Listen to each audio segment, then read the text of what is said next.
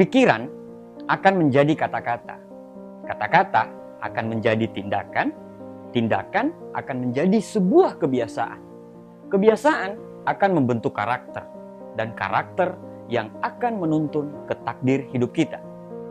Kalau pikiran kita selalu positif, akhirnya kata-kata kita pun akan selalu positif. Kata-kata yang positif tadi menjadikan kebiasaan kita juga menjadi positif. Kebiasaan yang terus berulang-ulang, berulang-ulang, dan berulang-ulang itu yang akan membentuk karakter atau kepribadian. Sehingga masa depan kita pun insya Allah menjadi positif. Begitu pula sebaliknya.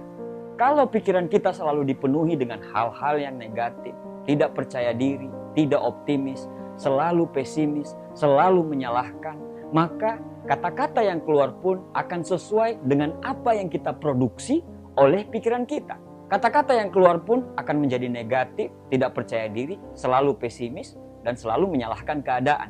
Dari kata-kata yang negatif tadi akan membuat tindakan kita menjadi negatif juga.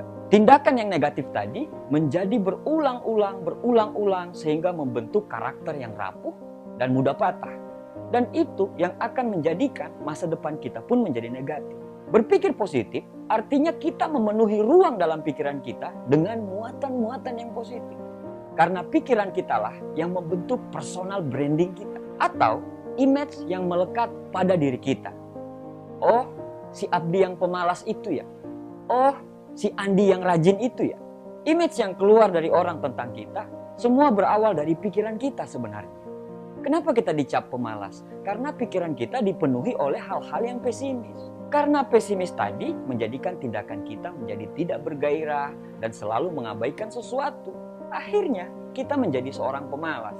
Cara berpikir yang benar akan menuntun orang untuk selalu berpikir positif dan selalu berbaik sangka serta sistematis. Begitu juga dengan cara berpikir yang salah.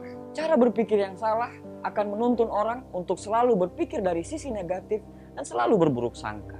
Karir kita pun sebenarnya tidak ditentukan oleh seberapa pintar kita.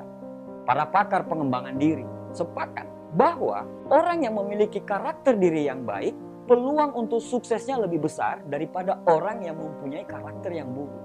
Bahkan, para pemimpin akan memilih orang-orang yang memiliki karakter baik untuk dijadikan tim, karyawan, atau partner kerja. Pintar mungkin bisa membuat Anda memiliki jenjang karir yang tinggi. Tapi pintar dengan karakter yang terpuji bisa membawa Anda ke jenjang yang tidak bisa diperoleh oleh orang yang cuma memiliki kepintaran. Jaga pikiranmu karena pikiran yang akan menjadi ucapan. Jaga ucapanmu karena ucapan yang akan menjadi tindakan. Jaga tindakanmu karena tindakan yang akan menjadi kebiasaanmu. Jaga kebiasaanmu karena dari kebiasaan itu yang akan menjadikan karaktermu. Dan jaga karaktermu karena karakter yang akan menentukan nasibmu. Terima kasih.